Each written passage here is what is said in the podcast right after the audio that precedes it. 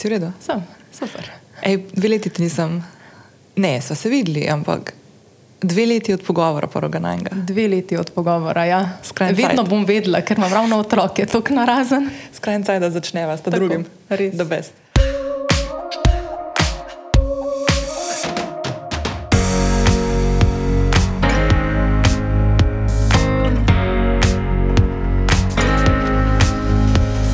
Dobrodošla na podkastu Lovim ravnotežje. S tabo sem Nina Gaspari, danes je petek in čas je za svežo 140. epizodo tega podcasta, v katero se danes vrača gostja iz 54. epizode, ki smo jo posneli pred dvema letoma in to je Saša Zor. Saša je direktorica marketinga in prodaje v hotelu svetovne verige Intercontinental Hotels and Resorts, enega in edinega petzvezdničnega hotela v Ljubljani. Dejansko se pa danes pogovarjava o čisto drugih stvarih in se praktično na nekaj koncih dotakneva njenega dela, sicer pa smo se zelo veliko pogovarjali in osredotočili na trenutni, uh, trenutno obdobje. Saša je namreč v času, ko smo snimali ta pogovor, na drugem porodniškem dopustu. In na prvem je bila, ko smo snimali prvi pogovor za 54. epizodo. Tako da smo naredili neko tako lušno prepletanje prve in druge izkušnje materinstva in kaj vse se je zgodilo vmes. Uh, in danes o tem zelo iskreno govoriva. Kaj vse se je spremenilo s prihodom uh, Sašinega drugega otroka, kako upravlja svoj čas, uh, vsakodnevne izzive, o katerih zelo iskreno spregovori, in kako si sama poskuša vsak dan obrniti, če je negativen, v pozitivno, kako poišče načine ali pa rutine, ki pri tem pomagajo, ki pomagajo predvsem bdeti nad razpoloženjem in čustvovanjem. Pogovor, ki ga boš slišala čez nekaj trenutkov, sva posneli pri Saši doma, medtem ko je njen mali Erik spal. In čeprav smo mislili, da se bo vmes med pogovorom zbudil in bova pogovor malo zapauzirali, se je dejansko na koncu po džentlmensko zbudil ravno v trenutku, ko smo se počasi bližali koncu pogovora.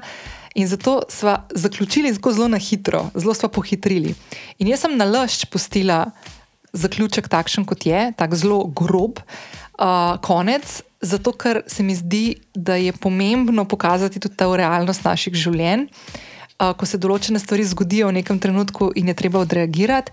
In glede na to, da je Saša v tem pogovoru zelo iskreno spregovorila o svojih izzivih, in materinskih, in kariernih, uh, je bila zelo odprta in pristna, si enostavno nisem mogla dovoliti, da bi spremenjala ta kjut trenutek na koncu. Preden skočiva v pogovor, Saša, te vabim, da če še nisi prijavljena na podcast Slovim ravnoteže, to lahko storiš zdaj prek aplikacije, na kateri trenutno poslušaš to epizodo. Vedno sem vesela tudi ocen in mnen, ki mi jih lahko pustiš na podcast aplikaciji ali pa se mi oglasiš na zasebno sporočilo. Najraje vidim, da to narediš na Instagramu. Če boš delila oziroma delil objavo, da spremljaš in poslušaš epizodo, Sašino ali katero drugo, uh, me označi, da se ti lahko tudi zahvalim. S prijavo vdajo ocene in mnenja na aplikaciji, prek katere poslušaš podcast, pa pomagaš, da zanj slišijo tudi tebi podobne ženske in moški. In kot vedno, te tudi tokrat spodaj v opisu čaka.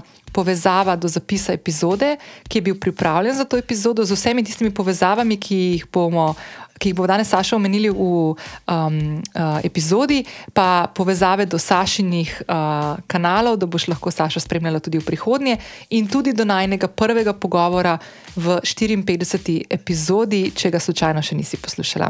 Zdaj pa mislim, da je čas, da skočimo k Saši na obisk, uh, tako da uživajte v pogovoru.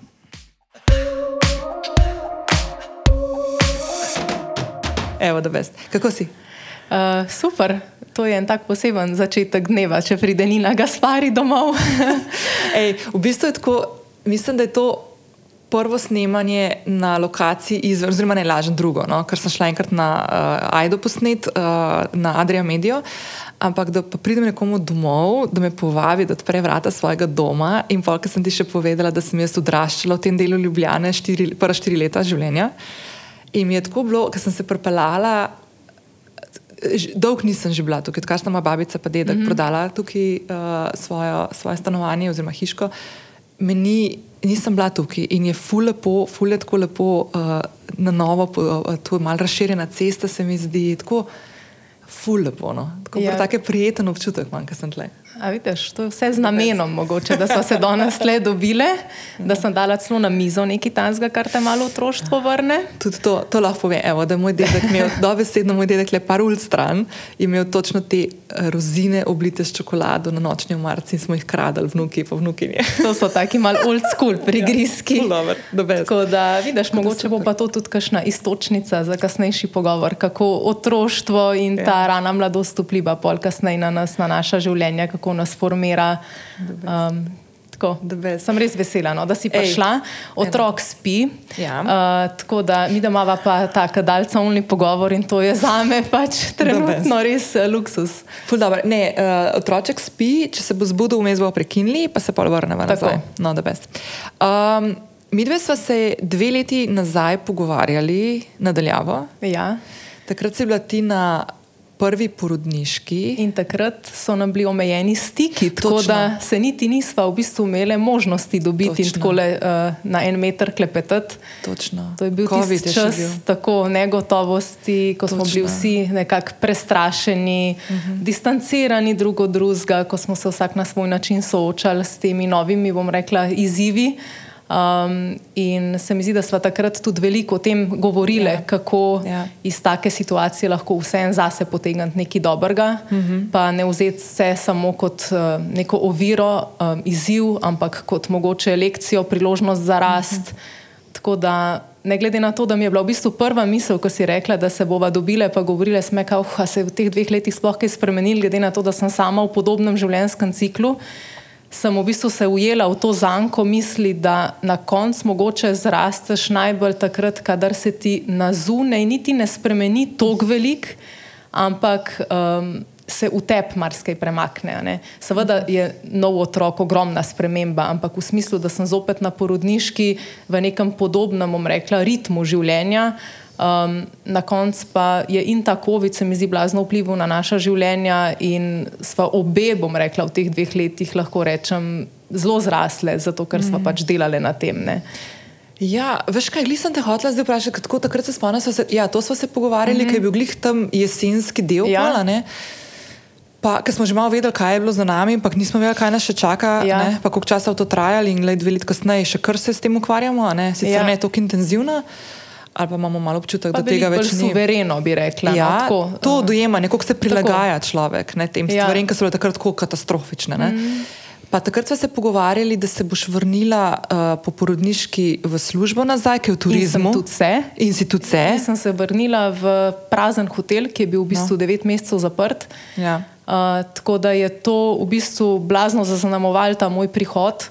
Um, od ene situacije, ko je bil hotel poln, ko sem šla na porodniško, do te pač diametralno nasprotne, ko sem se vračala in bila v bistvu v stavbi, kjer lahko naenkrat namestiš ne vem, 300 gostov tam sama. Ne?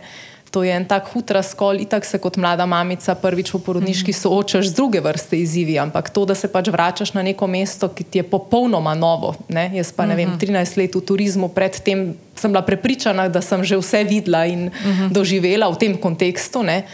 Uh, tako da je bil v bistvu ta prihod kar precej, bom rekla, težek, ker ogromno kolegov je izgubil službo, um, veliko uh, mladih je izgubil zanimanje za turizem, uh -huh. ker je turizem dobil eno tako plombo, um, da čim se zatrese, bom rekla, te okoliščine, ne vem, se omejijo leti, um, se ne smemo več družiti, se postavijo ene take nove neznanke v kontekst, um, avtomatično tako visoko storilne panoge niso več atraktivne in je boljši iti mogoče nekam, kjer um, imaš malo več varnosti, gotovosti, mladi vem, so na poti ustvarjanja družine, planirajo kredite in tisti, ki so bili zaposleni v turizmu, so bili pač označeni kot neka rizična skupina, tudi strani bank recimo. Ne.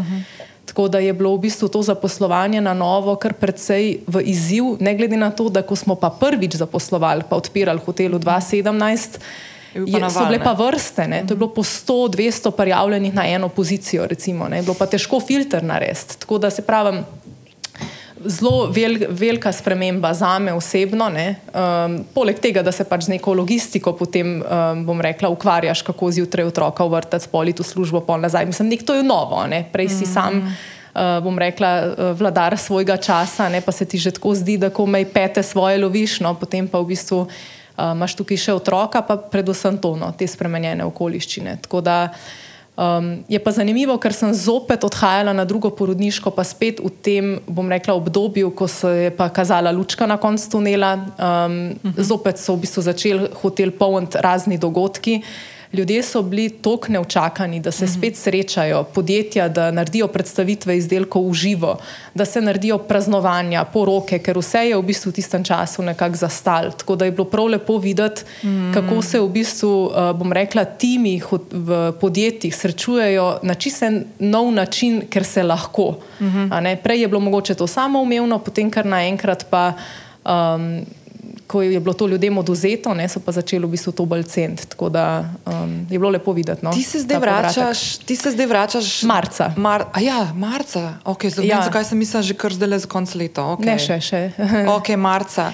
Ampak zdaj pa tako, mislim, pa se, to, nis, to je zdaj tako čist, ravno o tem govorimo. Ni bila to neka tema, mm -hmm. ni, ni to tema debate, o kateri bi danes tabo govorila, ampak se mi zdi fulj zanimivo. V bistvu, um, hm, zdaj imamo lučko ne, na koncu tunela, oziroma ne vemo, če imamo, ne, zdaj mm -hmm. nas mhm. čakajo spet neki časi, spet tako nekako. Eh, se mi zdi, da če je UNCOVID tako prišel z danes na jutro, skoraj. Ja.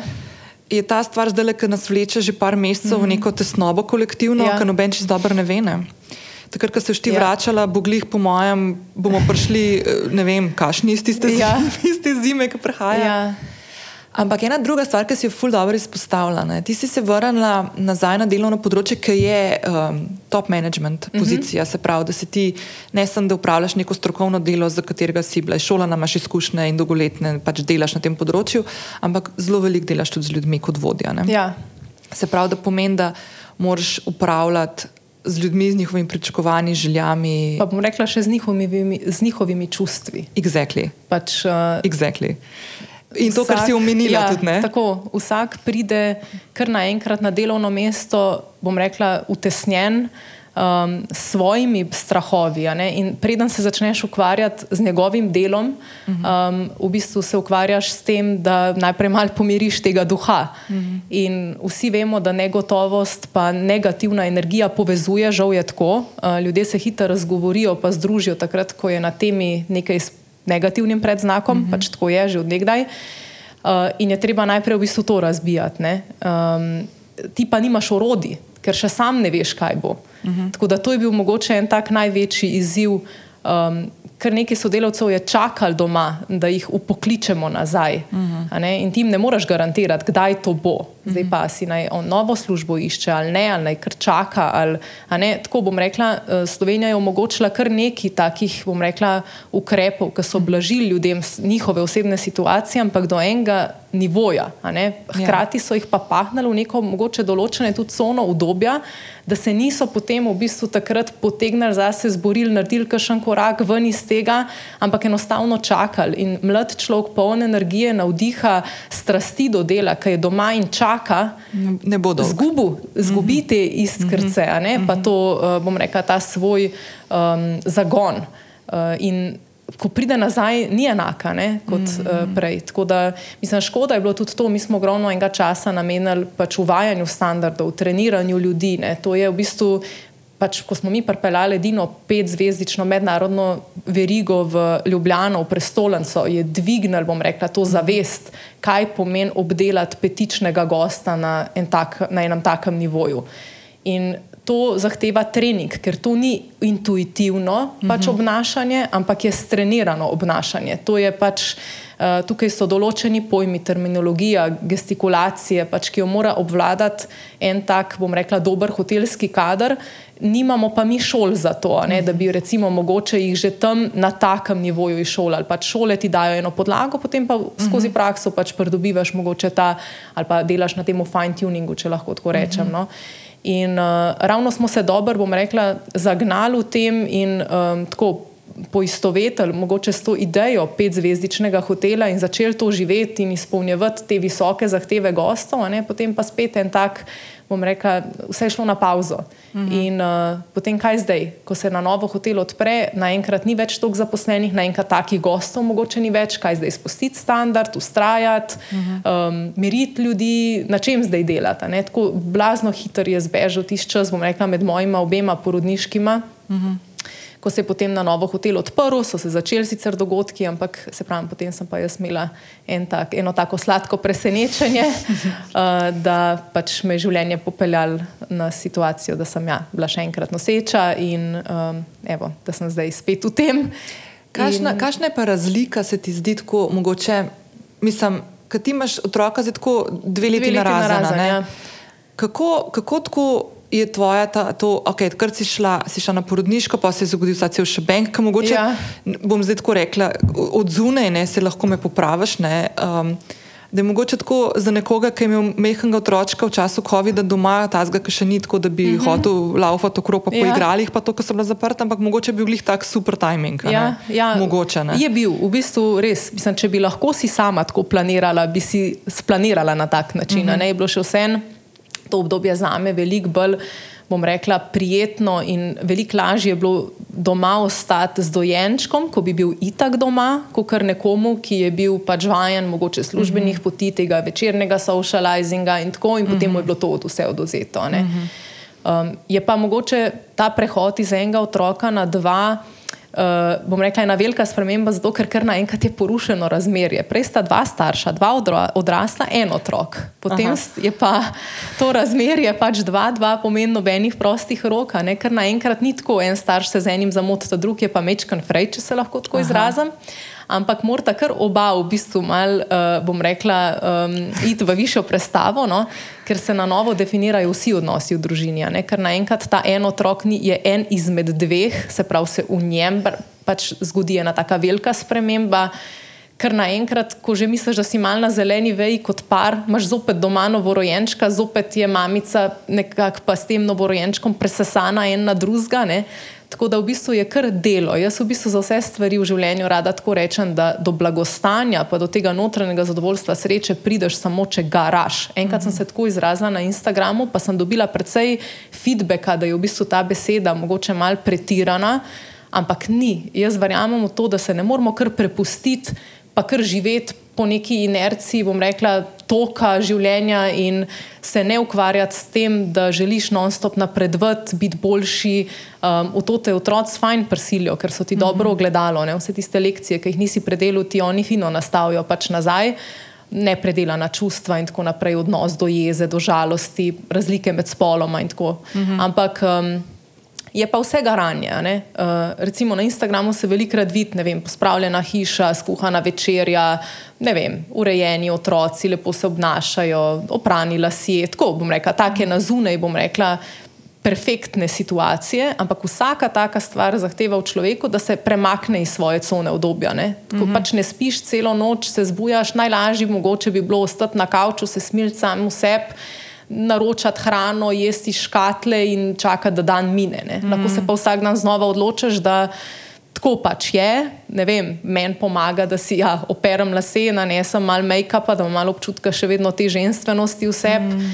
Uh, in da pač vržeš ti z brokoli v vodo, narediš večerjo, ne, da dom diši po hrani in tako. Ampak to vse je garanje. To, da greš ven z otrokom, z dvoletnikom, recimo na igrišče, da brcaš žogo, lažje bi mu bilo, da trisanke doma. Mm -hmm. Naj dve uri mine, tako bo on hipnotiziran, gleda v ekran, pa potem bo že skoraj čas za obanjo, pa spat. Mm -hmm. Težje je iti mogoče ne, po napornem dnevu ven, pa tako, ampak ti pa ogromno da ker potem postanejo pa otroci to gonilo, ker oni pol to usvojijo, Hoče, te ne? navade in to je njim pol standard. In jaz, mm -hmm. recimo, doskrat pride Marki iz vrca, pa mislim, da on smo pa mal s kockami igrali, pa sam prav, mami greva brcati žogo. Ne? In to je eno uro brcanja po igrišču, telovadba za me. Kako imajo oni energije? Neomejeno. Pač. To te fantki, projes, ne vem, če so punčke take. Mislim, moja mama prav, da ne bi imela svojih otrok, ki no. gleda tale dva napram meni, je rekla, tebi sem dala eno svojo torbico, no, se igrala. Pa si ti ven zlagala, pa nazaj not zlagala, ja. pa tako ne.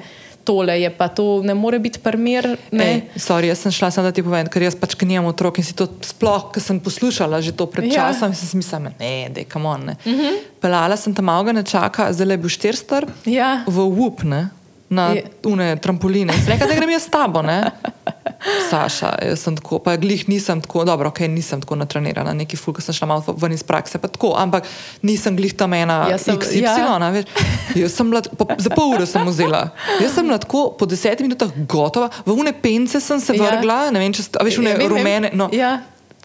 Je meni panika, zdaj iz unga ne moreš ven splezati. Ja, ja. To je ful naporen. Mislim, če te malo skoči noter, se tudi malo trud, ampak je lažje, pa ga ne pogotne. Jaz sem bila čist panična, ker nisem več sploh vam prišla. V glavnem mrtva, ja. on pa po pol ure tako v jog, da on bi še, da je Ja. čist ponen. Jaz sem samo tako, kva se dogaja? Jaz recimo še nisem doživela, da bi Marki, tako kot dol, rečejo mamice, dol padel od utrujenosti. Pa smo ga marsikam vlekali. Veš, smo šli recimo Mhm. v Kaprun letos na poletni dopust, je hodil gor od ene postaje gondole do druge, v smislu po strmini, tam ko se smuča.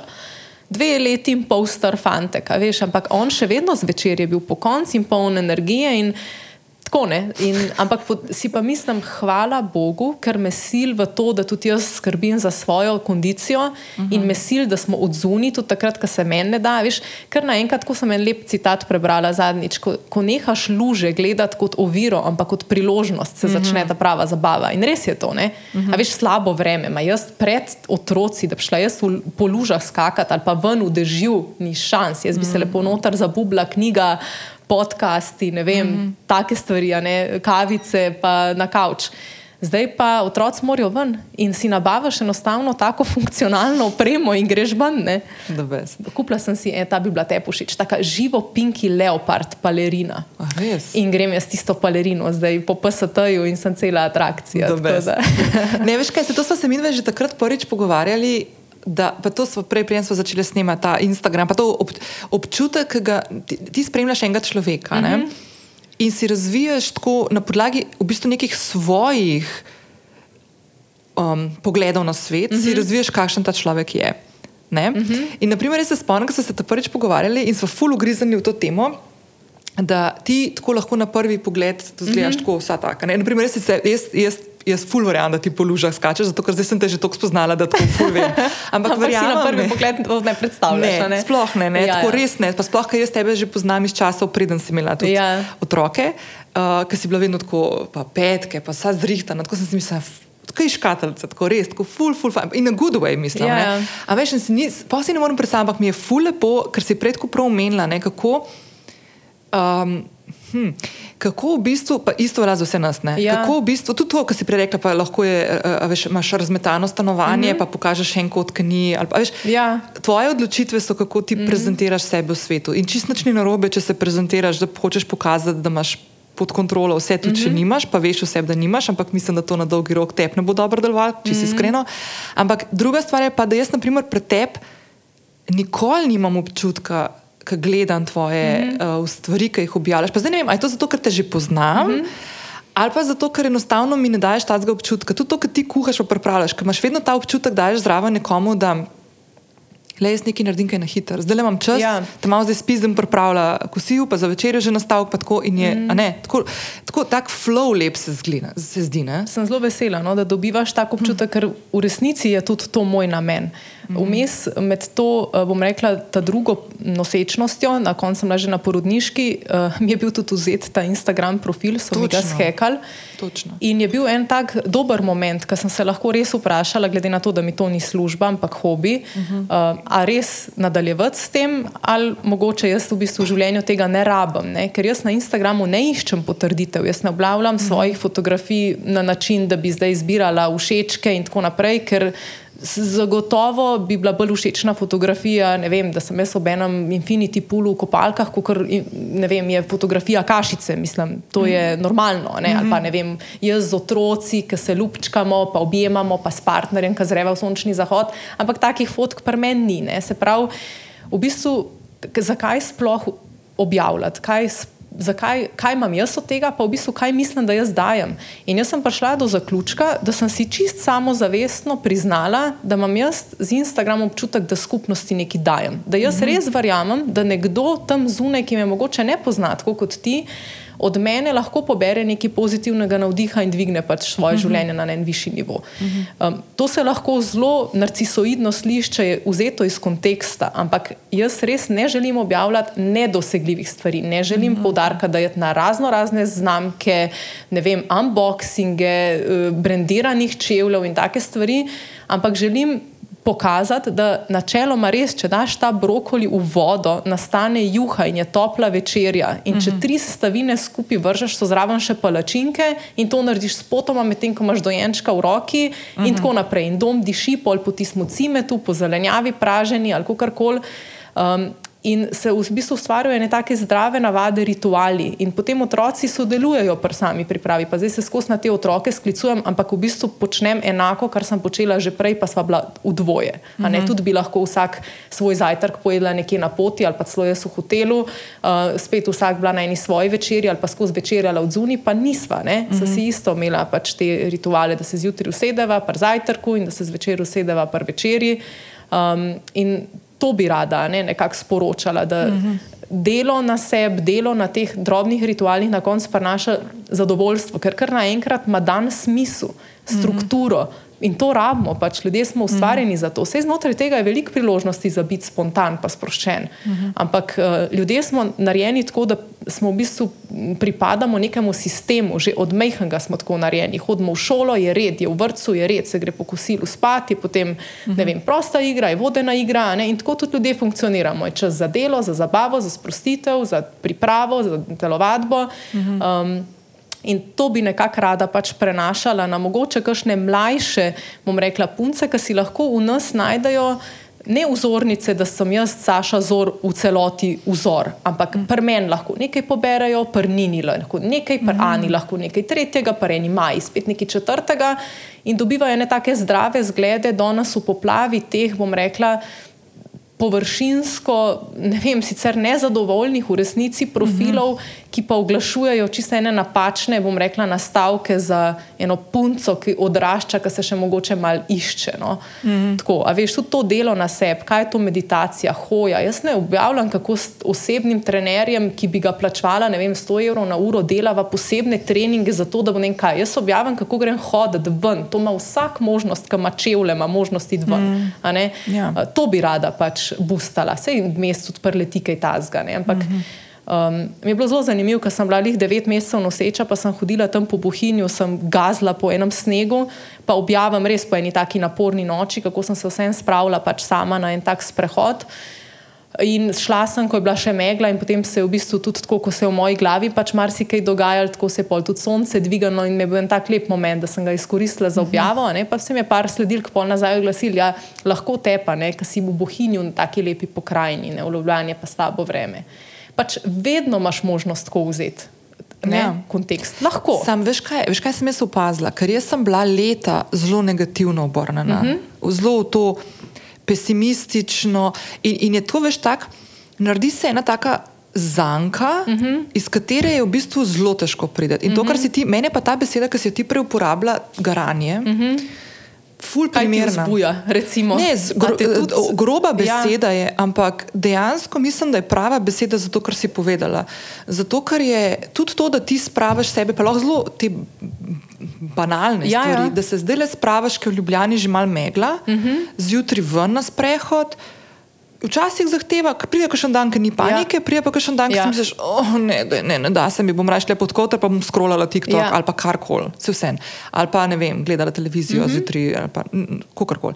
A veš, fulje enih takih stvari včasih res od tebe zahteva, ja. da se brcneš v rit dobesedno. Ja. Do, ampak res dobesedno, ja, ker se ne bi ja. ne hotel, ali pa ja. imaš neprespano noč, ali pa karkoli ta zgolj, ali pa se slabo počutiš, ali pa boh ne da se kakšna stvar zgodila. Viš, zdaj pa kje je ta meja, ker do določene stopne je tudi fajn si pustiti ta. Se ne, bežanje, se ne gre za bežanje od občutkov. Ne? Tako, pa da rečeš, da tudi to je v redu, da se pač tako počutim, ampak na mestu, da grem teč po tej poti, bom danes hodila, ali pa na mestu, da ne, si prilagodiš, sam ni treba pa obstati. Ja. Jaz si vedno tako dovolim, recimo, vse res pride, kašna taka naporna noč. Že zjutraj mi gre kar mal na jog, a veš, mm -hmm. ti si mislim, nov dan je, jaz sem bi šla pa lahko kar spat, pa ne morem iti. Naprimer, mm -hmm. Ampak si rečem, ok, če sem imela danes v mislih, ne vem, narediti tri maile, iti uh, na en, vem, pilates, iti še na hitro hojo, iti na eno kavico s prijateljicami, kaj bom odpovedala, zato da še vsem bom jaz imela pozitivno bilanco na koncu dneva, -hmm. ampak se nam preveč iztrošila ampak ne bom pa doma zabubljena ležala z masno figo in prevelikimi ja. oblekami, pobruhanimi od dojenčka in ki vem, da mi bo samo slabša. Ja. In pol si rečem, ok, kaj mi bo dal energijo, mogoče ta kava, to mi danes ne paše. Končno sem prišla do točke, da imam okrog sebe same take srčne prijatelje, ki jim povem, ne, veš, mi je nekaj vmes prišlo. Ampak to jaz enostavno danes se ne ja. bi počutila s tabo pogovarjati in ne mi zameriti prestavova kavo. Uh mhm. -huh. A veš, in se mi zdi, da. Mislim, to je enim, ki so mogoče na splošno, mogoče malo drugačnega temperamenta, kot sem jaz, ki sem po, res po svojem osnovnem karakterju prijazna, uljudna, ustrežljiva. ustrežljiva. In meni je to bilo novo, ne? to je en mhm. skill, ki sem jaz delala na tem, da se v bistvu sprostim do te mere, da vem, da me bodo ljudje imeli enako radi, tudi če jim pač povem. Danes še sama sebi sem težka družba, kaj še le komu mm. drugemu. Ja. Um, in da imaš okrog sebe ljudi, ki jim lahko to na tak način poveš, brez nekih ulepševalnih okoliščin, pa nekaj hoje po jajcih. Tako, Se, mislim, ja. to, jaz sem tudi imela eno obdobje v življenju, ko sem si mislila, zakaj si moram jaz skozi nekaj izmišljati. A jaz to delam mm. zdaj zaradi sebe. Ja da se boš počutil, pa da nekoga ne razočaram, ker izhajaš iz tega. Ne vem, mogoče kako bi se pa jaz počutil, če bi mi kdo to rekel. Ne vem, a veš. In se za, spet zaciklaš noter v neke stvari. Jaz imam tudi to zdaj in mi je full dobro. A veš, ne vem, recimo, če je bilo pri tebi enako, ampak jaz sem začela tudi drugače s primarno družino komunicirati. Mm -hmm. Jaz sem bila zelo vzgojena, po mojem, podobno kot ti na, na način, da starši si pač zaslužijo določeno spoštovanje in določen nivo komunikacije. In pač ne mhm. moreš kar reči, kar ti paše, uh, trikrat premisli. Veš, pri nas doma je bilo tako, da s cepetanjem, pa s kričanjem nič nisi dosegel. In sem jaz zelo hitro v bistvu videla, da na tak način ne bom prišla do svojih uh, želja, ampak da če bom pa taktna, pa prijazna, pa tako igrala po pravilih, bom pa dobila, recimo, kar, kar si želim. Uh, Uh, ampak sem se oddaljevala, mogoče pa od um, iskrenosti, ja, veš, od te mhm. iskrene komunikacije, pa bud sem se začela, mogoče svojih občutkov, da nam pa enkrat pa kar izbruhala, ker je dokument tega. Veš, tako, uh mhm. -huh. Res sem se na novo učila, jaz meni recimo tukaj. Uh, sem malo študirala to transakcijsko analizo, čisto v smislu, kako ima primarna družina močno mesto uh -huh. v mhm. naših življenjih, in tudi, da sem končno nehala živeti po enih nepričakovanih, se to ni samo starša kriva, to sem jaz tako odnosi v svoji glavi stkala, bom rekla, ampak da sem nehala živeti po enih takih navideznih pričakovanjih in iskala neke potrditve, ampak sem se enostavno sprostila mm -hmm. in to sta mi res mogoče otroka dala. No? Um, veš, da kar naenkrat jaz nisem bila več otrok, ampak. Je otrok zdaj, recimo Marki ali pa Erik, uh mhm. -huh. jaz sem pa mama in sem si postavila en drug, bom rekla, uh mhm. -huh. nivo in se z obema staršema, bom rekla, veliko bolj razumem, pa smo se že prej dobro razumeli, sam na drugačen način. No? Tako, zdaj tudi nima na enak, tako kot prijateljem pač povem, mm -hmm. komuniciram iskreno in se res obrestuje. V bistvu si meje, no? meje si postavlja, da tudi to. Pa pravila svoje. Ja. Jaz, sem, jaz sem imela drugače. Zdaj, ko sem te poslušala, v bistvu. Uh, Jaz sem imela, zdaj če moj oče posluša, me bo spet poklical, da kva to govori. Ne, ampak res, pri nas je bilo pa drugače doma, pri nas je bilo pa tako predvsem bolj. Um, Pa ne bom rekla opušteno, ker ni bilo, ampak tako ni bilo tako premisleno. Mi smo imeli tako zelo intenzivne debate, uh mhm. -huh. ki so se običajno zaključile, pa bom zdaj rekla iz mojega vidika, zato ker mi dva z očetom smo si zelo podobna. Aha. In moja starša sta bila zelo mlada, ko sta mene imela, tudi to moram povedati. Jaz si sploh ne predstavljam, da bi bila stara 21 let, pa imela otroka. Ja. Um, in uh, vzameš to vse, vse za kup. In moj oče, na primer, je imel to taktiko, da dokler boš pod mojo eh, streho živela, bo tako, kot mi je rekel. Mm -hmm. In on je šel do konca s tem. Tudi takrat, ko je že malo mogoče vedel, da nima prav, mm -hmm. ali pa ker mu je moja mama sicer tako v zadnji, da nismo videli, ker sta vedno pred nama igrala skupno, yeah. Ja. ne, kar se mi zdi prav, ne, ampak uh, da ni bilo pa teh manipulacij več, ne, ampak z najne strani. Ampak, je šel v bistvu tako res z glavo v zid, včasih, mm -hmm. da je mhm. dosegel tisto svoje. Malo tako malo tako otroče tekmovalen. No? Mm -hmm. veš, malo ta neizživeta, po mojem, neka otroška doba, ker je bil tako hiter pol postavljen v vlogo ja. starša, ne? to, kar si ti zdaj rekla. Mm -hmm. In pri nas je bilo tudi veliko, in bilo, pri nas je bilo ogromno enega dretja. Pri nas je bilo tega ful velik, tako jaz se spomnim, jaz sem tako ful velik tega. Ampak, kaj je bilo pa najbolj zanimivo? Jaz sem iz teh stvari vam potegnila, da sem pa skozi dretje, pa soze, to je bil moj način komunikacije, mm -hmm. ko mhm. hočem iz, izraziti svojo mm -hmm. misel. Ne? In jaz pa kasneje v odnosih, ne, kar zdaj opazujem, kam čist drugačen odnos. Sem jaz imela ful tega čustvenega izseljevanja, uh -huh. veš, ko jog, Ja, ja. cepetanje. Uh -huh. Naprimer, in sem se prvič znašla zdaj v situaciji, ko mi je to tuje, uh -huh. ko tega ne rabim, ko mi ne služi in ko sem prvič imam občutek tako. Da v bistvu jaz lahko besedam svoje stvari in sem varna, nič se ne bo zgodilo, nič ne bo Ja. narobe, tudi če se ne razumeš, če, če drugače ja. razmišljaš. Da veš, da boš dosegla v bistvu to, kar Sploh želiš. ne gre a za doseg. V bistvu mi je pomembno, da sem lahko, da Da lahko slišana in ja, tako, ne. in da izražam Ja. svoje misli, lahko, brez uh, samo cenzure. Veš, ja, mislim, ima totalen smisel z mojega vidika. Jaz mislim, da vsak mora prehoditi eno določeno svojo pot. In tukaj ne moreš ti dati na sveta nekomu, Ne. ne. jaz, jaz lahko sam povem, kar je pri meni delovalo. Uh -huh. Ker velikrat potem se ravno te, ki jih omenjava, recimo, kakšne mlajše, bom rekla, punce, pa se pol malo zgledujejo, pa tako, ne, ampak jemljajo koščke ven iz konteksta. Ne, vse uh -huh. je ena celota in vse je povezano. Ali pa recimo, zakaj bom rekla, tako ena bolj taka iskrena uh, uh, z moje strani. Zakaj je eno osemletko trajalo, da sem prvič zanosila, pa en ups, da sem drugič? Ne? Sigurno ne zato, ker imam jaz eno tabletko ali en poseben režim prehrane ali en poseben način meditacije, ampak to je zdaj, ko smo tako napeljevali, to so vse koščki moje celote. a ne. Pa še cel kup jih je, ki sploh nimajo mesta, mogoče na enem takem pogovoru, ampak vseeno. a ne, Vsak človek pride s svojo zgodbo in z eno potjo, ki jo mora prehoditi.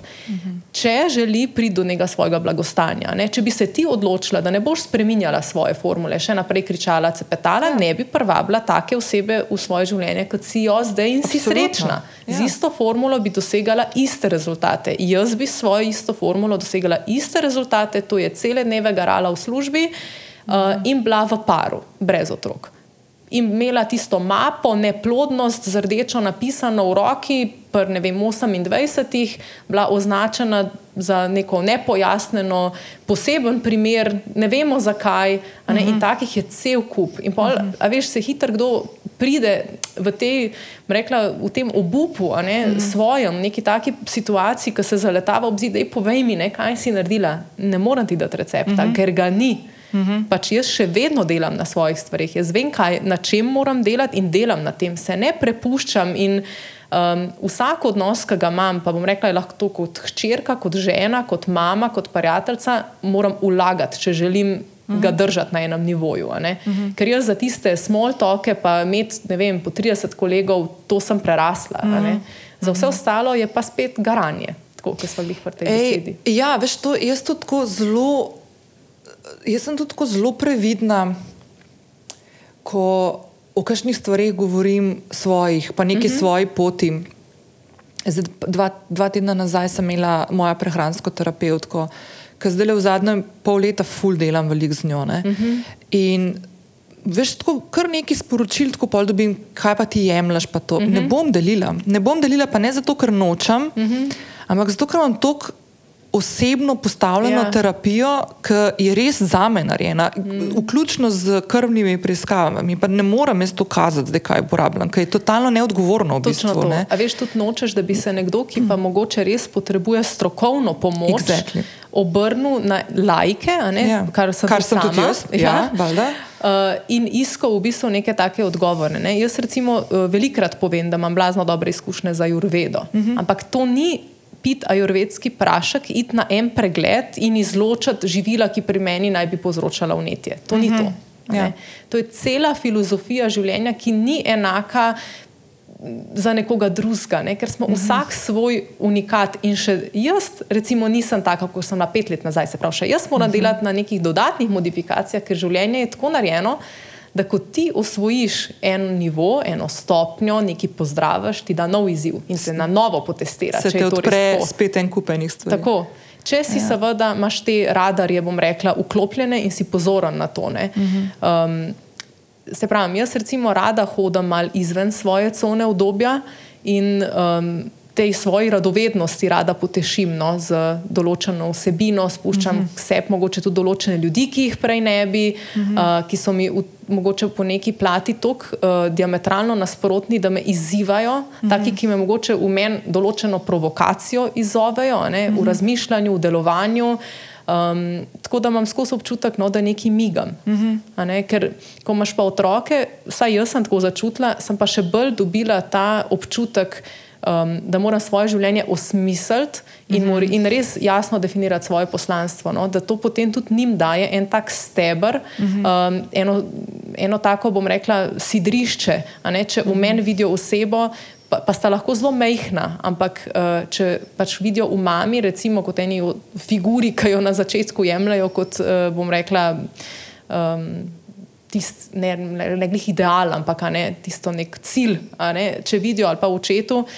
Eno razsuto, raztreseno osebo, ki tava, ki bega, um, zelo težko bo otrok potem nacentriran. Uh -huh. Če pa pa tebi vidijo, da si nekako izpopolnjen ali pa da delaš v tej smeri, da si notranje pomirjen, zadovoljen.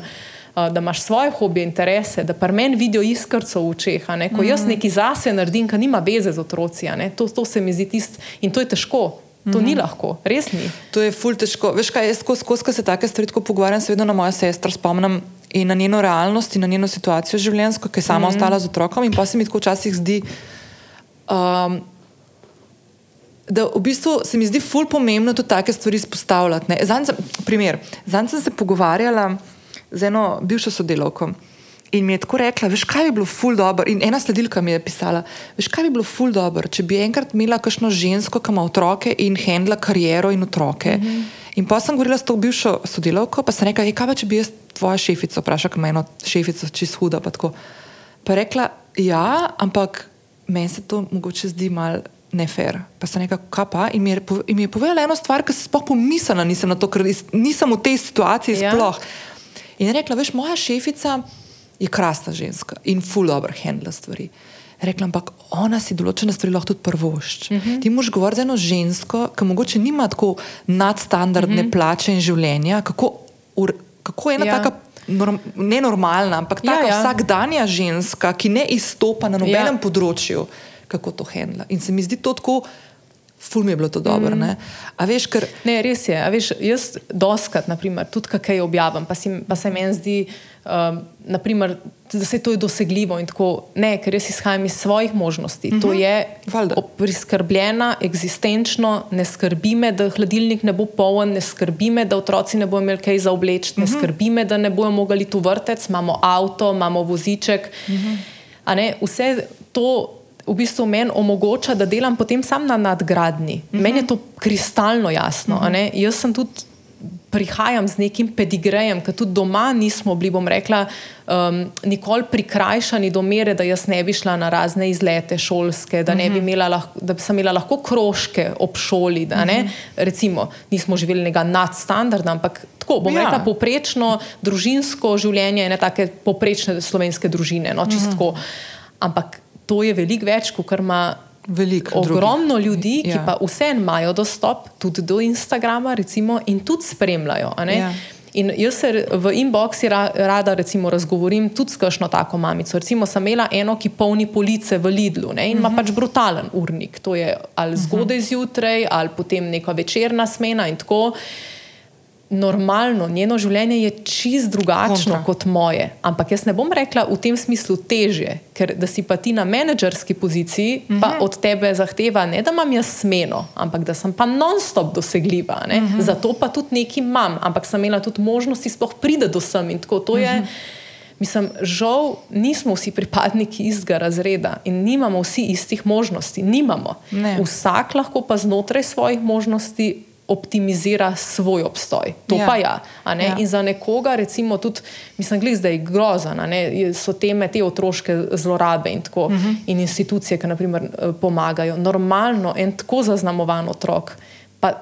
Kaj bo jedel za večerjo, ali pa ko bo enkrat ta otrok v funkciji starša, kaj bo dal na mizo. Pa to je ta zadnja stvar. Prej uh -huh. je treba druge stvari pozdraviti, uh -huh. da travme in tako naprej, preden se lahko ukvarjamo z takimi viralnostmi, uh -huh. ki lahko, naprimer, jaz prikazujem za boljšo kvaliteto življenja. Uh -huh. Ampak jaz iz sebe izhajam, mogoče pa z enega tazga povprečja v tem smislu, da je za eksistenco poskrbljeno. No? Mm -hmm. Ampak karkoli, veš, objaviš na koncu, ne vem. Glih enkrat sem pa objavila en napitek iz nekega liofiliziranega sadja, sploh nima veze kaj. Uh mhm. -huh. Ampak, naprimer, ne, kakšna je to cena za ta napitek? Lej, mi tudi večinoma pijemo vodo. Jaz, da, jaz samo pokažem možnosti. Ampak, ne, sem to, ta, veš, to, je, to je pa zdaj ta stvar, ena, ena stvar, ki v bistvu mi je ful dobro svet danes izpostavili, zdaj se pa dotikavate druge, ker se mi zdi tudi ful pomembna. Prva stvar je to, da ful odgovorno želiš deliti neke stvari od sebe, ker se zavedaš, da.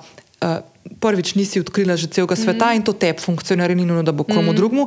Jaz na, na isti način in tako zelo dosti, da ta disclaimer. In ja. v bistvu, veš, kaj ti moram povedati, da mi gre malo na živce to, da moram te disclaimerje. Ja, kar nehala, da ja, res, zato, ker so to neka mašila. Exactly. Jaz pa preveč visoko spoštujem svoje sledilke in exactly. mislim, da jih ne rabijo. Ja, ne. A veš, veš kaj, ko govoriš o takih stvarih, tako res tako, jaz nimam mm. te disclaimerje, tako meni to funkcionira, ampak tako naredi tako, da bo tebi delovalo. To je disclaimer, to. ne zdaj tisto, da se. Ja. Druga stvar je pa to, kar ste se pa zdaj dotaknili, da se pa začneš, da dobiš nek tak občutek, da se moraš začeti upravičevati, pa zagovarjati. Tako, ja. To pa tudi ni ok. Sploh, če si človek.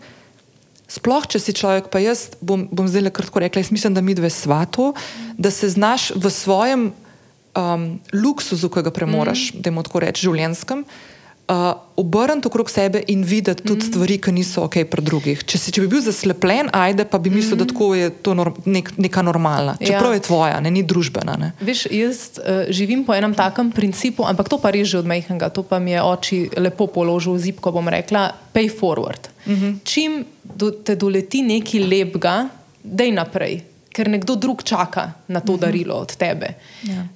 Tudi ko ne dobiš nekaj lepega, kot je težko, da si to prizmo pogleda, da je nekomu še težji. Polepši nekomu dan, pa ti bo tep tudi v bistvu pričaral to na smeh. Mm -hmm. In recimo take stvari rada delim na Instagramu, zato ker se mi tako zdi. Če vzameš to kot hvaljenje, o, zdaj sem pa jaz pomagala, še enkrat, jaz ne zbiram lajkov, všečkov, followerjev. Mm -hmm lahko tako vzameš. Ampak kaj je bolj koristno? Da jaz objavim, kam sem donirala neka sredstva, komu sem pomagala, kakšne inštitucije obstajajo za to, sploh če imaš nekaj ekstra ali v dobrinah ali v denarju, ki jim lahko pomagaš. Ali pa včasih ali samo. Tako, uh -huh. ali da jaz objavim kremo za okrog oči. Mislim, da je zdaj to na mizo. Uh -huh.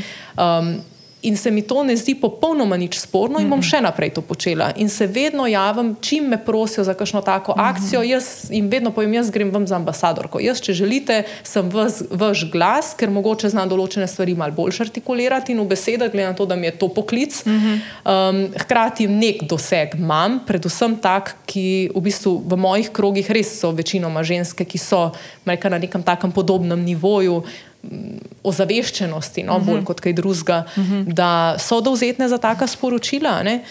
Uh, in bom še naprej to lajnala, ker to se mi zdi zelo pomembno. In uh mhm. -huh. recimo, jaz bom tudi otroke čim prej začela na to navajati, ne? da pač kar ne uporabiš, da je naprej, pomagaj. Um, tako, recimo, doska tudi Marki, ne enkrat mi je en gospod mi je pomagal voziček po stopnicah nest. Pa je rekel, Marki, pa zakaj pa ti on, zakaj on prijemo ta tvoj voziček, ne? tako bi se mal zgrožen, to je naše, veš, dve in pol mhm. letniki in ne bo da moja, ne. ne? tako, uh, pa sem rekla, veš, če nekdo, on je videl, jaz mu nisem nič rekla temu gospodu, ampak on je videl, da jaz tlele malce petam in da rabim pomoč in je lepo, če pri nekomu vidiš, da rabi pomoč, da jo ponudiš, vprašaš in uh mhm. -huh. pač ponudiš. Ne?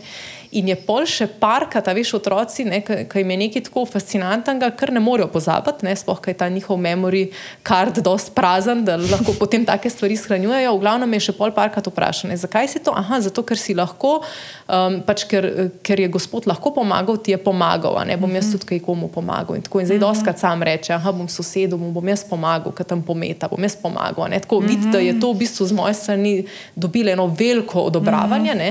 Um, in da, da tako funkcioniramo, no? da smo del komune, jaz tako rada pač malo rečemo, ne? nismo tle mi sami v enem svojem mehurčku. Ja, ja. Um, in to se mi zdi tako zelo lepo. No?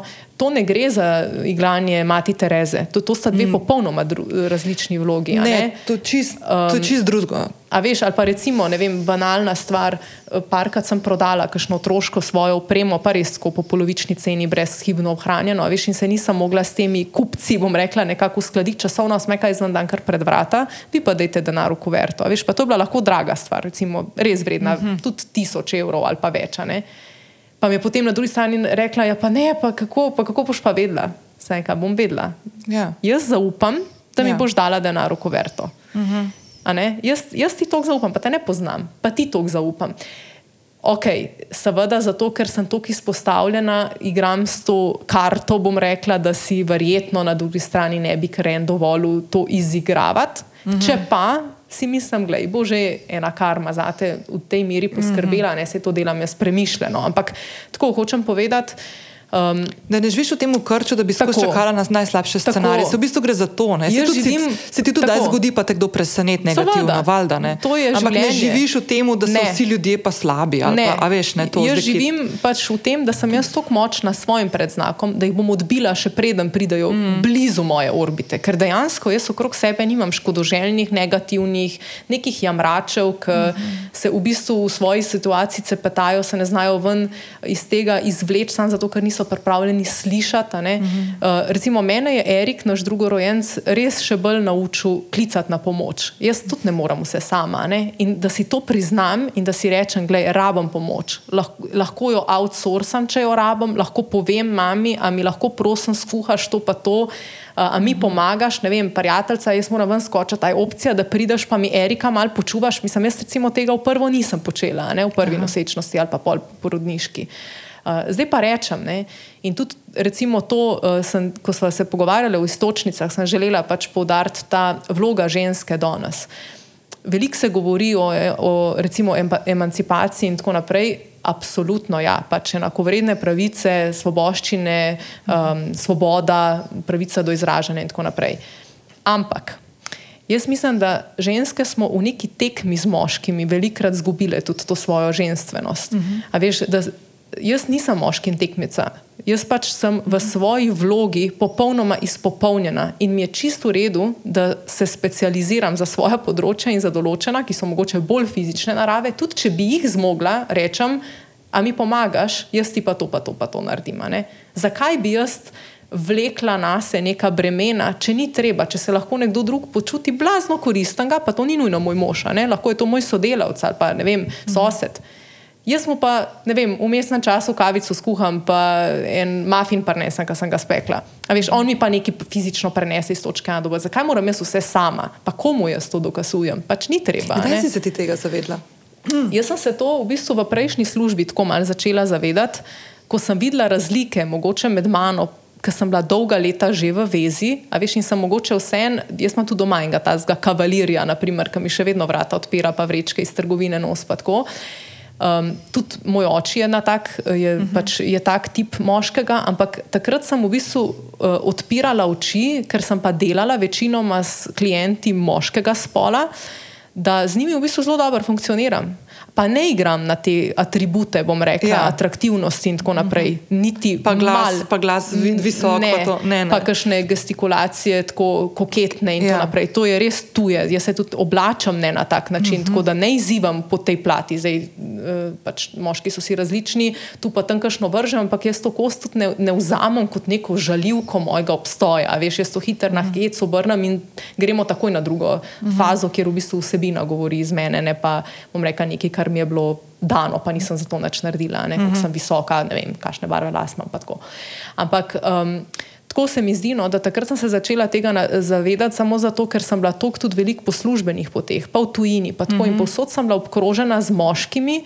V službi sem imela pa kot sodelavke veliko žensk, a veš, in potem tudi veliko samih, samskih in tako naprej, starejših od mene, in sem videla, kako se v bistvu one trudijo, um, uh -huh. bom rekla, um, vse oddelati, vse na svoja pleča, dati, samo zato, da so imeli občutek, jaz, jaz tebe ne rabim. Uh -huh. Jaz sem pa v bistvu prav rada rekla, da te rabim in ti jaz pa kavico skuham, pa to ni pomenilo, da jaz sebe dajem v noč. Ja, ja.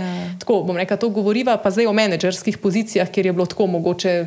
A ne lahko z enih oči neprimerno, ne, da se jaz spuščam na tak administrativni nivo. Mm -hmm. Meni se je zdelo pa to blazno simpatično, ker smo najprej ljudje, pol smo funkcije. Exactly, ja. Veš? Ja.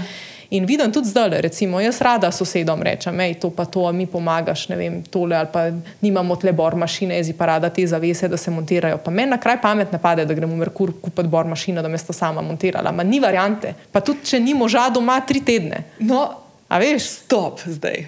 Zdaj ti bom pa jaz nekaj povedal. To mi je to dovest, lej, ker mi imamo tako um, ful različno ne, to življenjsko pot. Ne. Jaz prvo kot prvo delam že skoraj 12 let od doma praktično in nimam teh uh, okolij. Mm -hmm. veš, tako da jaz sem v bistvu tok živen iz teh delovnih okolij.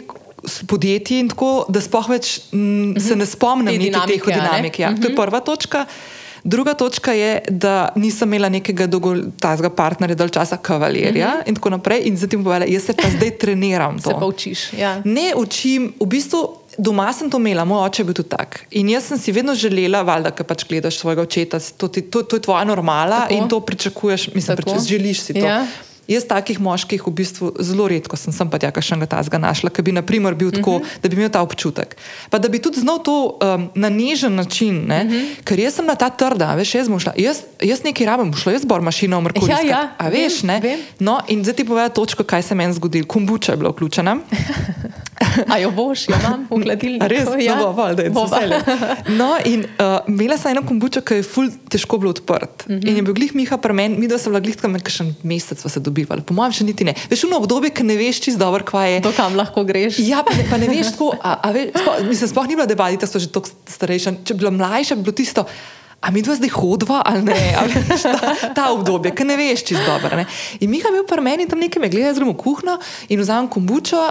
In odprem predal in vzamem elastiko, uno, ko so špargli zaviti, ja, veš, tisto ja. navadno, ki ne daš na lase, ja. ta grobo, rubber. In damo krog in mi jih odgovarjamo, kako pa delaš pestko? Pa ga pogledam, rečem, skrivnosti samskih žensk, veš, kaj. In odprem v izi, flaško. In mene mi jih pogleda, reče, ampak ti nisi samska. Ja, in tam je bilo meni tako. Šit. Ne to, ok, mi dva sva zdaj skupaj par, zdaj sva se zmenila, da hodava, kaj ja. veš, gledko, ne, ful smeša. Ne, ni bilo to, v bistvu mi je bil bolj ta moment, da jaz sem zdaj nekoga ob sebi, ki v bistvu bo z veseljem kakšno stvar mm -hmm. prijel, ki je meni ja. težka.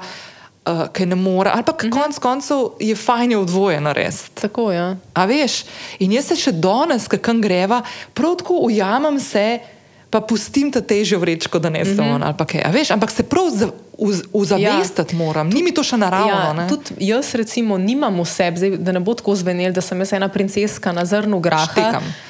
Samo čakam, da me drugi strežejo. Ni to tako. Tudi jaz ja. se zavestno, ampak si res rečem. Pač, kaj lahko jaz naredim v dobrobit, naprimer, družine uh mhm. -huh. v tistem času. Sigurno, recimo, pri nas doma imamo vse malo tako razdeljeno, da recimo po hiši jaz več naredim, seveda pospravljamo vsi za sabo, ampak tako, jaz več kuham, jaz perem in tako. Izven hiše, recimo, še nisem nikoli trave kosila ali pa ne vem, obrezvala drevja in tako naprej. Mm -hmm. To pa mož naredi, ampak se obema fino zdi, da je to tako. Ja. A veš. Um, ne vem, da so malo te tradicionalne, bom rekla, vloge še vedno v danes modernih časih, ki jih itak živimo čisto na enem drugem nivoju, kot so jih ne, pred leti. -hmm. Ampak tako se mi zdi, da malo te domačnosti, tradicije, malo to, da je ženska ženska, da zna kaj narediti. Mislim, meni recimo za eno. Žensko, da je bila stara 30, da ne bi znala nič skuhati. Mislim, men, jaz bi jo kar na en tečaj poslala. Pač, mm -hmm. Kako boš ti v življenju privabila enega moškega, da, da, ga boš, da ga boš sposobna razvajati, malo tako ali pa sebe. Pa nek, ne vem, tako mi je neverjetno, da recimo. Mm -hmm. ne, pa da ne bi znala kaj oprati, pa srajce na rob zlikati. Pa to ne pomeni, da jaz vse to sama počnem. Mm -hmm. Ampak lepo je, ko imaš za koga um, možnost kaj narediti. Mm -hmm. uh, tako se mi zdi, da ti potem že lahko outsourcaš vso možno pomoč, mm -hmm. takrat, ko jo rabiš, ker je enostavno tega preveč, ker to so taka sizipova pravila. Veš, mm -hmm. vzameš si cel kup časa, skuhaš, upereš, a jutr spet ni neko sila, ni neoprano, ne, in spet jo bo na novo in te včasih v to ujame, pa ni nič narobe, če imaš to možnost, da ti še kdo kaj pomaga. Ampak tako se mi zdi, da je pa lepo danes videti, no, da zna moški tudi kakšno žarenco še zamenjati. Pa da zna, da zna ženska tudi še kaj skuhati, pa ne govoriva o nekih specialitetah, ampak bolj Pač, treba sufle, ali pa makrone. Ne, no, ne, ne enega, ne drugega ne znam. no, no, no. Ja. Uh, tako da recimo, tudi to bi želela komunicirati. Stvari na hiter, mm -hmm. pa mhm. lahko naredijo nek efekt. Veš, jaz kruh spečem, dve minuti ga zamesam, peče se tam sam, pa imaš domač kruh. Mm -hmm. Pa si mhm. carica, le to svoj kruh, imaš še to, podaš na mizo, malo masla ali pa olivnega olja in ga dobrega, pa kaj češ boljšega pač na koncu. Sam veš, kako je zanimivo, ker te zdaj poslušam in te zdaj, če bi te poslušala dve leti nazaj, ko so se pogovarjali, mm. ko bi tole se pogovarjali, bi se mi zdelo, kako se fultuje. Mm. Danes, ko te poslušam, ker sem v nekem odnosu, ki mi je meni v veselje, mm -hmm. da naredim nekaj, kar ja. vem, da mu bo všeč. Mm -hmm. jaz, jaz se ne spomnim, da bi kdaj v življenju to imela. Mm -hmm. In, naprimer, če nimaš takega odnosa, pa da ni to, to neka tvoja realnost, je po mojem to malo težko. Je pa ena druga stvar. Zanj sem bila na enem zoom klicu z full velik ženskami, ki delamo, uh, pripravljamo en projekt na tem. Ne vem, če si slišala ta ona ve ja? uh, združenje. Ja? No, to, če še nisi prijavljena, se prijavljam. Se prijavljam. Res, res, ker je full fine. In smo se prav pogovarjali um, o tem, ker tam res se fulj zauzemamo za to, da se pač ženske bolj predstavljamo. Mm -hmm. Tudi, veš, konc koncev ne gre samo za to, da zdaj pa nasilo ali pa mm -hmm. feminizem v negativnem ja, smislu. Ja. Ampak ful je pomemben, pa ker doskrat se mi same nočemo, se nazaj držimo. To je, mislim, da bolj. Ful, ne, mm -hmm. ful. Ker sem tudi jaz to pri sebi opazila. Ampak, a veš, tako. Mm, Da, da mi se moramo zavedati, da se preveč stvari v, v našem svetu odvija skozi moške oči. Mm -hmm. In to ni ok. Pa ne na račun zdaj, da jim to vzeti moškim, pa mm -hmm. vzeti me, ne, ampak uravnotežiti malo ja, te ja. stvari. Ja. In ta, ta feminizem, ta feminizem, ki se je zgodil, meni je super, ta, ta prvi del, mm -hmm. da imamo imeti neko, nek balans. Mm -hmm. To tekmovanje, ki si ga Tekmo, ti ja. omenila, ja. to je šlo pa v neke take smeri, ki niso, niso naravne in predvsem. Predvsem mogoče so ženske na začetku mislile, da bo s tem nekaj pridobile, mm. dejansko so se pa ful velik skal dale na hrbet. A veš, sej, uh, to, ta tekmovalnost vemo, iz kje izvira in je bila po mojem normalna posledica te neenakosti. Recimo, ne? um, da smo se mi mogli boriti za to, da smo, bile, recimo, da smo dobile svoj glas in tako naprej. Mm -hmm. Ampak če pa štartamo od tukaj, kjer smo zdaj, ne, ko pa tega več ni, bom rekla, tega osnovnega problema se mi pa res zdi, kot si rekla, bolj na nas, da imamo mene kot tako samozavest, da veš, da boš slišana in da se ti za to ni treba boriti, samo oglasiti se moraš. Sam, pač. Veš, sam tako, ja, se ful strinjam, ampak tle ena točka, ki se pa dogaja v zadnjih letih, ki pa mislim, da treba še vedno se zavedati, tudi, pa se tudi boriti, ker zelo hitro se pa lahko določene stvari, ki se nam zdijo sama po sebi umevne, pa tudi umaknejo iz mm. družbe. In to sicer opazujemo mi v tujini, zdaj niti ne toliko tukaj, ampak kdo reče, da ni to, veš, ker to gre pa pol malo tudi za to nadzorovanje. Mm. Se v bistvu tukaj da je ključen problem je tukaj, da se nadzoruje del družbe. Mm. In ženske smo bile v tem zosu stoletja. Ne, ne vem, če smo čist prišli že kot družba do tega, da se ne bomo s tem ukvarjali. Ne? Ja, veš kaj, mogoče sta tukaj tudi res dva nivoja. Ne? Eno je ta mogoče družbeni politični nivo, uh -huh. eno je pa ta, če se lahko tako izrazim, bolj gospodinski, domačni. Ja, ja. Veš, o tem jaz sem se pa mogoče bolj na tega sklicevala, ja, ja, ja. a ne čisto kako si sama organizira svoj mehurček, uh mhm. -huh. bom rekla, ta svoj krok. Uh -huh. uh, ampak verjamem, da pač s takim razmišljanjem, da zauzameš to pozo. Um, jaz, recimo, sem bila vedno v službi spoštovana strani moških kolegov, nikoli nisem imela recimo, s tem problema, ali pa recimo, sem bila izbrana za pozicije kot edina ženska izmed moških in tako naprej. Da ne bo slučajno kakšnega predznaka, so bile ženske v komisiji, ne, prav, ni šlo mm -hmm. pač zaradi tega. Uh, Ampak tako bom rekla tudi zato, ker če zauzemaš eno tako svojo ponosno pozo. Veš, mm -hmm. Se mi zdi, da če pa že štartaš iz tega, da to je panoga ali pa pozicije so rezervirane za ta in ta spol. Vem, uh, a veš v tem smislu, da sem jaz že v štartu mogoče nekako. Diskriminirana po eni od postavk, se mi zdi, pa potem tudi na tak način komuniciraš. No? Mm -hmm. um, ampak spet, tudi, to je potem pa spet ta tretji nivo. No? Ja, ja, ja. Ne, ful zanimivo. Ne, se to imaš prav, to imaš prav. Samo veš kaj, zdaj, ki si tako rekla. A veš, kaj mi gre ful na živce? Tako, pa ne zdaj to, kar si ti. Ampak tako, da rečeš, naprimer, Ampak so bile ženske tudi v komisiji. A veš, kaj, moraš, kaj, da bi mogel povedati? Ja, a veš, kaj mislim? Se, uh, ja, sigurno. Se mi zdi, da včasih, ko se tako um, ali ko pišeš, ali pa se na tak način pač izražaš, ko nimaš uh, ne cele zgodbe za sabo, pa sogovornika, ki bi jo poznal, se mi zdi, da je včasih kar fajn dajati te disclaimerje. Zato, ker mm. drugač ljudje jemljajo iz konteksta, ker mm -hmm. gledajo iz svojih oči, kako pa se je njim enkrat to zgodilo, pa ravno zaradi tega, ker ne, pa ni mm. nujno to ravno zaradi tega. Ampak to je ta prizma pogleda, ki se skozi k njej vrača država, vedno imaš možnost vzeti ta svoj, bom rekla, handicap ali pa svojo frustracijo kot svojo priložnost za rast, uh -huh. ali pa kot na, na drugi strani, kot bom rekla, benefit tvojega sogovornika, da te je bilo oduzeto, zato ker je bilo njemu dano. Pa ni res. Uh -huh. Zato, ker sem jaz bolj srečna, nisi ti nič manj. Ja. In jaz velikrat rečem, prave prijatelje spoznaš, ko ti gre dobro, ne ko ti gre slabo. Ko ti gre slabo, ti vsak nastav ramo. Tako smo ljudje narejeni, hiter pridemo, to lažemo, aha, sej bo.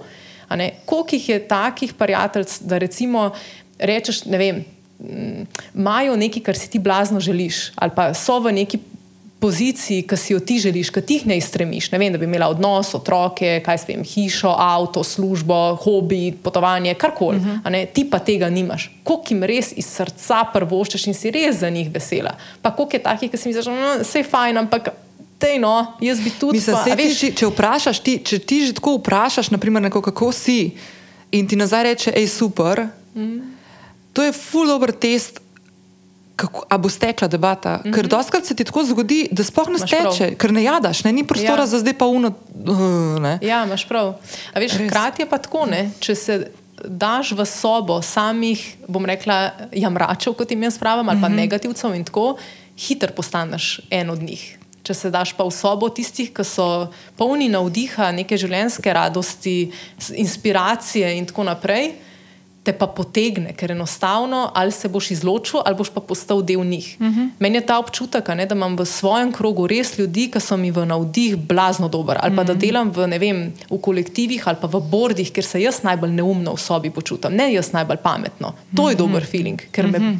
sil, da brcam, da tečem, ker moram uh -huh. hitreje teči, da jih ujamem, ker imam vem, 15 let več izkušenj, izkušnje, več izkušenj iz tujine in tako naprej. Uh -huh. To so ljudje, ki hočem jaz biti z njimi obdana, ampak uh -huh. da jim pa pariram, sigurno ne morem prihajati, če ne morem že po izkušnjah, ne z neko negativno, slabo energijo, mm -hmm. ampak moram prihajati z nečim drugim, z nekim entuzijazmom, ki ga v meni vidijo. Mm -hmm. Recimo te razni mentorski programi. Jaz sodelujem in kot mentor, in kot menti, ali kako, mm -hmm. kako se to slovenčno reče. Mentoriranec. Mentoriranec. Mm -hmm. recimo, in je zelo mm -hmm. zanimivo to oboje opažati. Ne? Zakaj bi se nekdo z mano dobil na kavi, na kosilu, pa debatiral o moji poti, o mojih izzivih in tako naprej?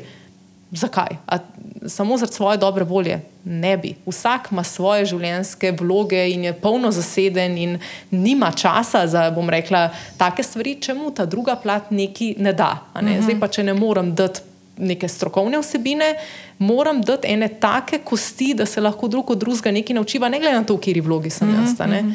In enako nazaj, ne? kako me lahko en, bom rekla, 15 let mlajši izziva na način, da si bom vzela za njega čas, se dobila na kavi, debatirala mm. o njegovih izzivih, vem, predlogih za njegov razvoj, za njegovo pač poslovno pot. Zakaj bi si čas za njega vzela, ne pa šla pol ure prej službe, pa na to bogan z otrokom? Mm -hmm. Kaj je tisto, kar mi lahko ponudi? Um, mm -hmm. Ja. Tako, tako da to so te, jaz mislim, vedno se učiš lahko od vseh ljudi, od uh -huh. vseh mhm. nivojev, um, od vseh struktur in tako naprej. Samo pač mora biti pa en energetski naboj, da sploh ta človeka uh mhm. -huh. spustiš blizu. No? To uh -huh. pa mhm. sigurno. Prej, ko smo govorili o tem, um, jaz sem izjel v zadnjih dveh letih, pa pol mogoče, no, glih ta COVID čas, veš. Uh -huh. um, se mi zdi, da sem zelo velikrat, ali pa zavestno, no, da, da vem, da sem se ujela v nekih tudi odnosih, ki sem šla ugotavljati to, kar smo prej, veš, tisto, mm -hmm. če se jaz dobro počutim, ne pomeni, da se na račun tebe, da so mm -hmm. ti. Ne?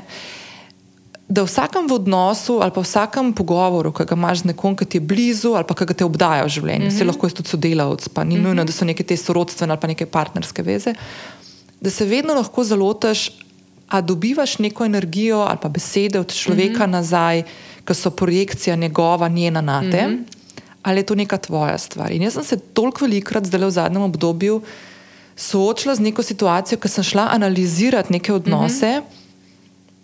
A sem jaz kakšno stvar, ker znam biti ful kritična, mm -hmm. do, mislim, samo kritična, včasih tudi preveč. Ampak dajmo biti tako zdaj realni, ne dajmo mm -hmm. se vzeti ven, pa pogledati, do kere točke je moja odgovornost, pa mm -hmm. moje besede, moje dejanja, moje obnašanje, karkoli, in do kje je od tiste osebe, ki se mogoče ne zaveda, mm -hmm. da mhm. projicira name neke stvari. In je ful zanimiva vaja. A veš, eh, to, to si dobro omenila. In po mojem, sploh ni je lahko recimo to aplikativno tudi na Instagram odnos. Tudi. A veš, enako, ne? kaj sproži določena objava v tebi uh -huh. ne, v nekem trenutku. Je pa tako zanimivo, jaz če kdaj z možem kaj tajnega debatiram, veš, koliko so moški, so res iz drugega planeta. A veš, jaz včasih to občudujem. Kolik, zdaj bom govorila za njega, pa neke njegove kolege, pa ta krok, s katerim se združujemo. Ampak kakšen kompas oni držijo, kako je to, reka, to ni te multiplastnosti, da vsako mm. stvar tako zanalizirajo eh, do prav faktorjev. Veš, to, to je res veliko bolj. Tako rekla, praktično, prijemljivo, um, ne, na nivoju neke aktivacije. In tako naprej. On veliko krat meni reče: Pa nehi to razmišljati, da je pač uh mhm. -huh. akcija, cep, cep, ne, tako poenostavi si življenje uh -huh. v tem smislu. No. Uh, in je to dober yin yang. Ja, dober, ja. Včasih se je tudi fajn tako malo živeti, ali pa recimo spet, ko, če omenjam te neprespane noči, ki verjamem, da bo tudi kakšna mamica poslušala, pa bo zdaj le zraven prikimavala. Ja, ja, sem tudi v tem. Mm. To je res izziv, pač spanje. Mislim, to je k, tudi en kolega rekel, to je kot mučenje v zaporih, mm. pač kot tako nekdo, veš, na dolgi rok to dozema. In res tako, veš, to je ena taka osnovna potreba. To ni čez dan so taki in drugačni izzivi z otroci. Recimo, pa zdaj spet mhm. -huh. predpostavka, da so otroci zdravi, tako generalno. Uh -huh. Ampak po noč, ne, ko te pa ena eno uro zbuja in ko to traja, traja, veš, je pa res, ko se sam s sabo kar veliko pogovarjaš. Uh mhm. -huh. Ampak uh, takrat, naprimer, jaz doskrat pomislim, pa kaj bi moj mož naredil čez dan po taki noči. Veš, on gre v službo, jaz recimo mhm. -huh. sem pol sama, naprimer doma z Erikom, Marki apelom v vrtec, kaj, kaj ne naredim, ne, celo noč nisem spala, kaj bi on naredil zihar bi si vse stvari poenostavil. Na tak dan vse bi odpovedal, mm -hmm. delo bi ne vem, kaj, Netflix bi gledal, čim bolj na izi, ležal na blazini z dojenčkom, sam tako, noč, noč, ne perilo, ne kuhanje, ne, vse odpovej, kar ti kanček energije jemlje, en dan naredi si temnico, da sploh ne vidiš, da je zunaj sonce. Veš, tako, mm -hmm. Pa ne pravim, da vse to moram jaz aplicirati, ampak način, kako sebe ohraniti, mm -hmm. a veš, v tem kontekstu. Doskrat se je fajn tako uživati, mm -hmm. recimo to, kar si sama rekla, ne, v sogovornika, kaj bi on naredil, kako on on to vidi, mm -hmm. čisto kot igra ne, ali pa kot vaja, naprimer, mm -hmm. ki si se ti pač um, izrazila. No.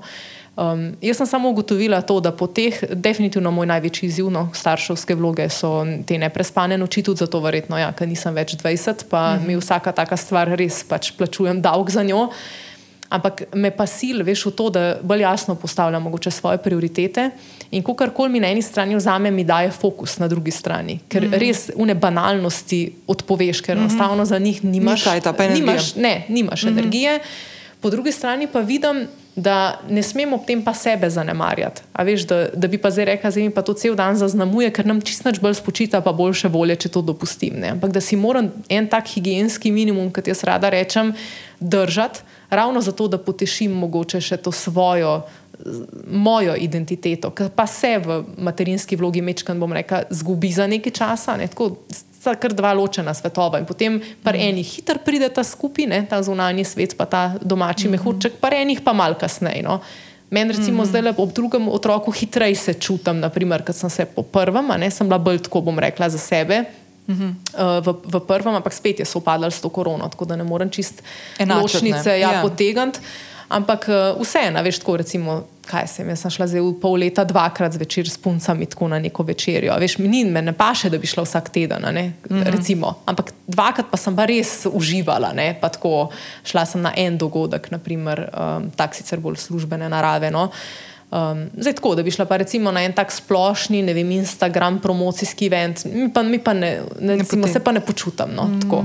uh, Dač na robe, ampak jaz, jaz ja, enostavno. Ja. Mm, ne vem, ne vem, kaj bi tam dobila. A veš, raj tako ena na ena, potem mm -hmm. uh, se zorganiziram za razne, razne kavice in tako naprej. No. Um, ampak to, no, najdete sebe, veš, da ni, da potem vse podrediš mogoče samo temu, ker te narava, pa te to silne, te hormoni, to je nekaj nevrjetnega, pa dojenje, pa tako, veš, to, to te ohranja, bom mhm. rekel, ti nek seniti v glavi, ne glede na to, da si neprespan in tako, te otročke, mladičke, imaš najrajš skozi bi jih imel prse, pa oni bi bili skozi prte, pa veš, in je v bistvu kar izziv se ven iz tega, eh, bom rekla, izvlet če si tak tip. No, mm. Jaz pa sem, ne, jaz sem od nekdaj sanjala, da bom imela družino, jaz nisem predstavljala, da bom pač brez.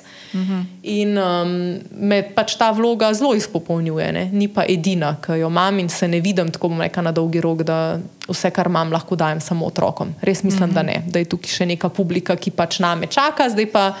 Kdaj bom pa jaz prišla na ta oder nazaj, je pa mogoče malo vprašanje časa. No. Ej, kaj pa če se zdaj, okay, zdaj tako vračaš se ti nazaj v neko to uh, work-life balance mm -hmm. čez pol leta, no, te ne bom vprašala, mm -hmm. ker sem te hotela vprašati, kako.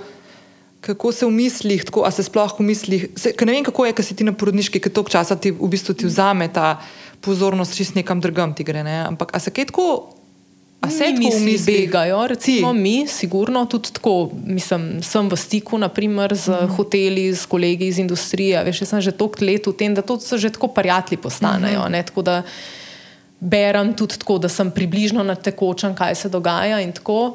Ampak nočem se pa uživati v svoj dan čez pol leta, ker ne bi bilo fair. Uh -huh. veš, ne do Erika, recimo, ne do mene, ker bi si samo v bistvu ene skrbi nakopala, zdaj smo se pa naučili, da COVID te preseneti z danes na jutr, mm -hmm. pa moraš ja. odreagirati. Pa kaj jaz vem, kaj bo čez pol leta, spet še nov izziv in enostavno se bom prepustila in gledaj, to logistiko bomo speljali, nismo edina družina, ki ima otroke, pa starša, ki delata, ne mislim, da, da je večina tukaj takih. Um, in bom, ko bo čas za to, no, okay. delati probleme na zalogo, pa skrbi se mi zdi naj, najslabše. Bajdo je se lablo tudi kakšne dobre stvari. Sigurno, sigurno bojo. Kako nas potegne ja. noter v problem? Ja. Bilo tako, ne vem. Uh, Lahko da bodo takrat čudežno otroci začeli spati, naprimer. E, ampak, baj, ampak ti, by the way, tvoj otrok se ni zbudil. Ja, otrok kar spi. Mava tukaj babyfon na mizi. Ja, nič ni bilo. Ne? Uh, in nič ni bilo, no, vidiš. Ker si rekla, ker so začeli snemati, ja. da bo 20 minut, pa bo verjetno prvič malo pomigal. Ja, ne, ne. Lej, ni, ne. Večkrat verjetno, ali lahko priješ zvečer, takrat bi jaz. Baby whisperer. Ti bi tle lahko imela tvoje podcasti, če bi snimala. Ti bi pa spala. Zanimiv. Zanimiv, ja. Ej, a imaš še kakšno stvar? Um, še kaj tazga. Ti si eno stvar rekla, ampak ne vem, rekla si, da bi mogoče ful izpostavila to vlogo ženske, samo zdravljenje. Kaj ti je pomagalo? Ja, um, v bistvu smo se. Se smo se tako malo dotikali. Dotikali tega, vseh. a zdaj je. Mi dve o. Evo ga, zdaj Evo ga. ga grem potolažiti. Pa, pa se po mojem, so vse zrihtale. Zaključimo. Po mojem, ja. ja? ja. Rečemo temu, to je to. To je to. In, če bo, bo pa, lej, mogoče se pa preklopa, če bo še kaj tazga. Okay. Ampak ja, dovest. No.